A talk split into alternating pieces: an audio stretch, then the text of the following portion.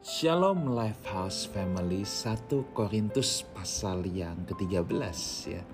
Saya akan bacakan dari ayat yang ke-8. Kasih tidak berkesudahan, nubuat akan berakhir, bahasa roh akan berhenti, pengetahuan akan lenyap sebab pengetahuan kita tidak lengkap dan nubuat kita tidak sempurna. Tetapi jika yang sempurna tiba, maka yang tidak sempurna itu akan lenyap. Lalu disambung dengan ayat yang terakhir ini ketika aku kanak-kanak, aku berkata-kata seperti kanak-kanak. Aku merasa seperti kanak-kanak. Aku berpikir seperti kanak-kanak.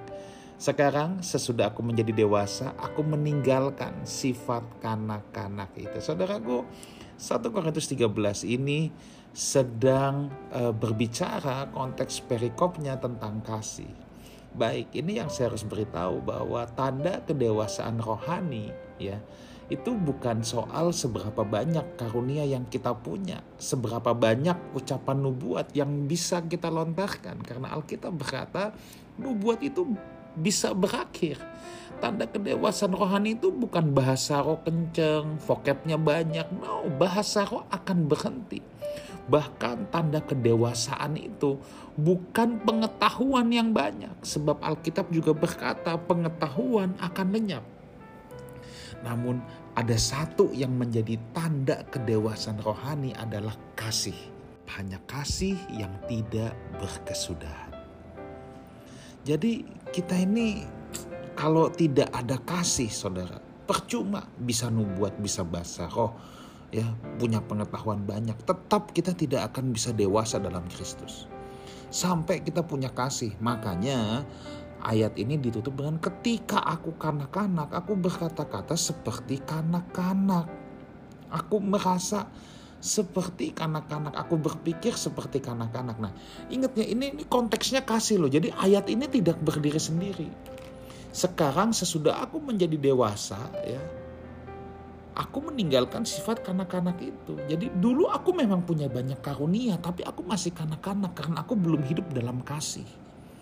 Jadi tanda kedewasaan itu bukan aktivitas pelayanan gereja dan lain sebagainya, tetapi seberapa kita bisa ini menghayati dulu kasih Tuhan. Kita menerima kepenuhan kasih Tuhan.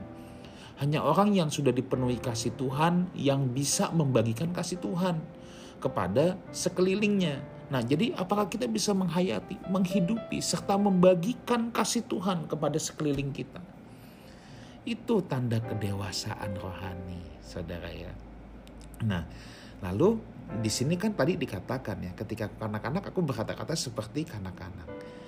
Nah, untuk orang menjadi dewasa itu perlu didikan sangat diperlukan untuk menjadikan kita dewasa. Didikan Tuhan sangat diperlukan. Itu sebabnya kasih dan didikan tidak bisa dipisahkan. Pendisiplinan itu harus dirayakan, Saudara. Jadi kalau kita sedang dididik oleh Tuhan dalam bentuk disiplin dari Tuhan, itu pun tanda Tuhan mengasihi kita. Jangan kita berpikir, ah Tuhan nggak mengasihi saya. Nggak, Tuhan mengasihi kita. Itu sebabnya mari saya mau encourage Lifehouse Family kita jangan sampai dikenal ya dengan atribut-atribut yang lain. Jangan sampai kita dikenal ya karena uh, misalnya sekedar khotbahnya bagus, pujian penyembahannya, AC-nya dingin, apalagi bangkunya empuk, aduh. Ya, tapi kita harus dikenal karena apa? Karena kita menghidupi kasih. Kita membagikan kasih Tuhan, kita menghayati, menghidupi, membagikan untuk sekeliling kita. Ya. Itu sebabnya untuk bisa dewasa perlu dididik. Kasih adalah tanda kedewasaan. Tuhan Yesus menyertai kita semua. Amin.